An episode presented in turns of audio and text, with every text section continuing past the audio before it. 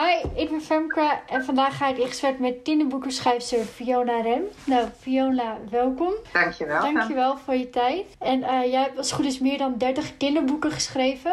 Ja, ik heb daar ongeveer 60 geschreven. Oh jeetje, en zowel fictie als non-fictie begreep ik? Ja, wel veel meer fictie dan non-fictie.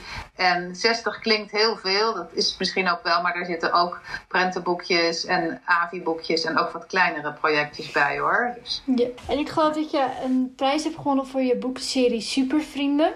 Ja, heb ik toen ook wel eens van de bibliotheek inderdaad een prijs voor gewonnen, dat klopt. Ja. En als we het dan inderdaad bijvoorbeeld over dat boek hebben, um, mijn eerste vraag is dan, wat was je inspiratie voor die boekserie? Uh, nou, Supervrienden was eigenlijk mijn allereerste boek. En uh, ja, mijn inspiratie toen was vooral dat ik heel graag mooie verhalen wilde maken. En ik was toen in gesprek met een redactrice die ik kende via mijn werk, want ik werkte bij een uitgeverij. Ja. Uh, en zij zag daar gewoon het meeste in uh, om te publiceren. Dus dat was niet een heel bewuste keuze van mijzelf. Okay. Maar dat was iets wat zo liep. En ja, waarom ik dat leuk vond, ja, ik vond het, ik vond het een interessante omgeving om uh, ja, dieren in hun natuurlijke omgeving dan ja, toch ook een soort vriendschap, een soort mensenomgeving te geven. Ja, oké. En uh, dan wil ik een brugje maken naar een bepaald element van verhalen, de karakters. Want hoe verzin jij karakters in je boeken? Bijvoorbeeld zoals bij uh, Supervrienden. Verzin je dat dan zelf of baseer je ze op mensen uit omgeving? Oké, nou dat is een beetje verschillend per boek, dus het is niet altijd hetzelfde. Maar als ik, uh, in ieder geval als ik menselijke karakters uh, bedenk, en dat is eigenlijk mijn laatste tien boeken zijn bijna allemaal voor wat oudere leeftijd, en ze hebben allemaal menselijke karakters. Um, dan neem ik meestal, uh, als ik ze uitdenk, um, twee mensen die ik ken in mijn hoofd. Eén iemand voor het karakter en één iemand voor het uiterlijk. Oké. Okay. En um, dan, dan schrijf ik een soort biografie van ze. Dus weet je, hebben ze krullen, wat voor kleur ogen, wat voor kleren dragen ze. Maar ook, ook, over, in, ook over karaktereigenschappen, maar dan vooral over het uiterlijk. Omdat ja, dat klinkt een beetje stom, maar vaak weet je halverwege het boek niet meer of diegene nou wel of niet krullen had en wat je nou bedacht had. Oh, oké. Okay. En dus zo begin ik. Dus echt een soort en, schets van hoe iemand eruit ziet en hoe... Ja, ja, die, ja. Die, diegene die moet in mijn hoofd gaan leven en uiteindelijk hou ik me er niet aan.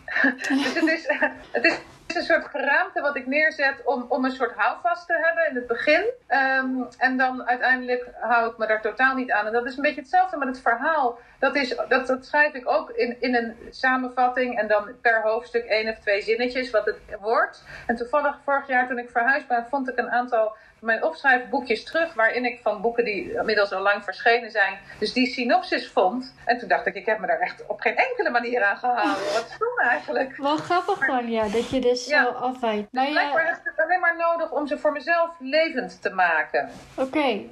Ja. En vrienden zeggen wel eens vaker als ze mijn boeken lezen van, oh, daar herken ik jou of mezelf.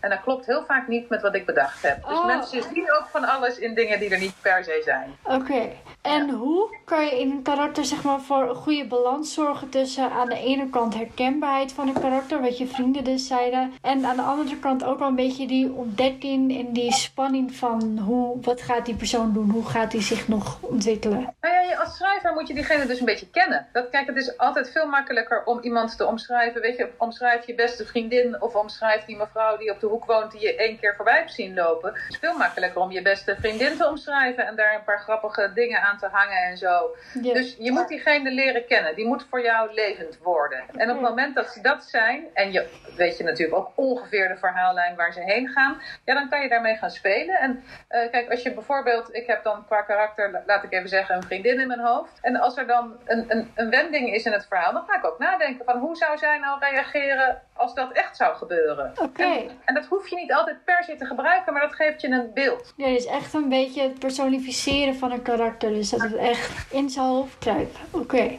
Ja, ja, dus je, ja, het, moeten, het moeten voor mij uh, echte mensen worden. Dat, net als je, kijk, als je een film of een serie hebt gezien, dan, dan aan het einde, dan, dan wordt het ook als kijker, hè, dan, dan, hebben ze, dan, dan, dan ken je ze een beetje. En dan zou je ook, als je ze in een ander verhaal plaatst, in ieder geval kunnen raden hoe zouden reageren. Nou, Ja. zo werkt dat voor mij ook. Alleen moet ik dat in mijn hoofd doen. Oké. En welke, wat zou je zeggen, welke karakterontwikkeling heeft een sterk karakter nodig? Alle. Alle ontwikkeling?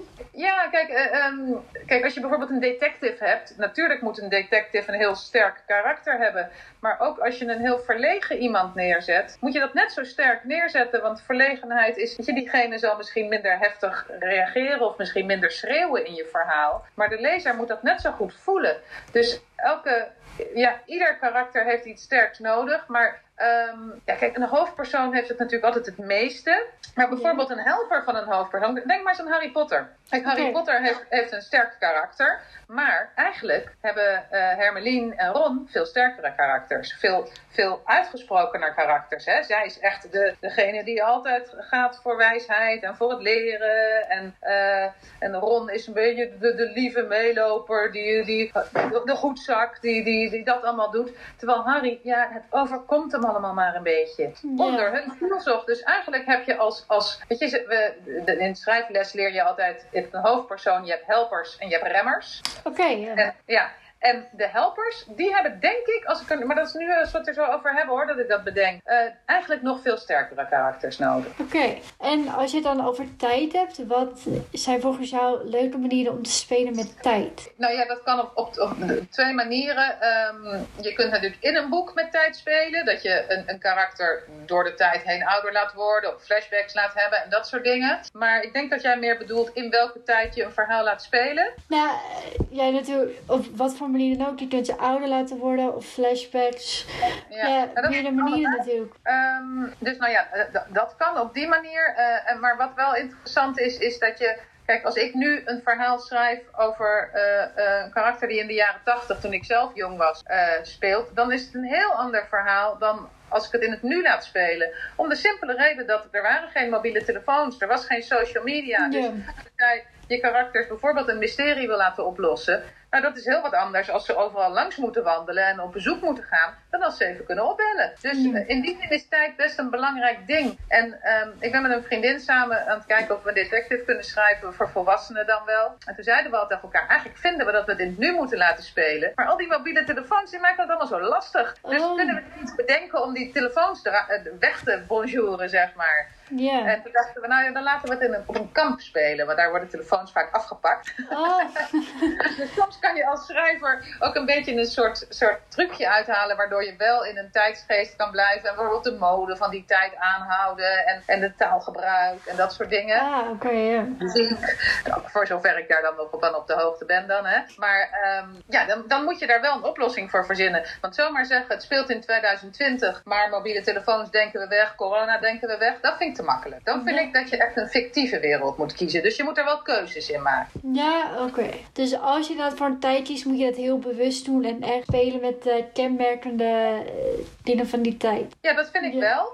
Uh, of je kiest om, om dat helemaal los te laten. En dan moet je, dat, moet je het ook echt helemaal verzonnen tijd, wereld, plek. Dat mag allemaal. Maar dan, dan moet dat een bewuste keuze zijn. Oké. En laatste vraag. Wat, voor, uh, wat is jouw belangrijkste tip voor beginnende verhalenmakers?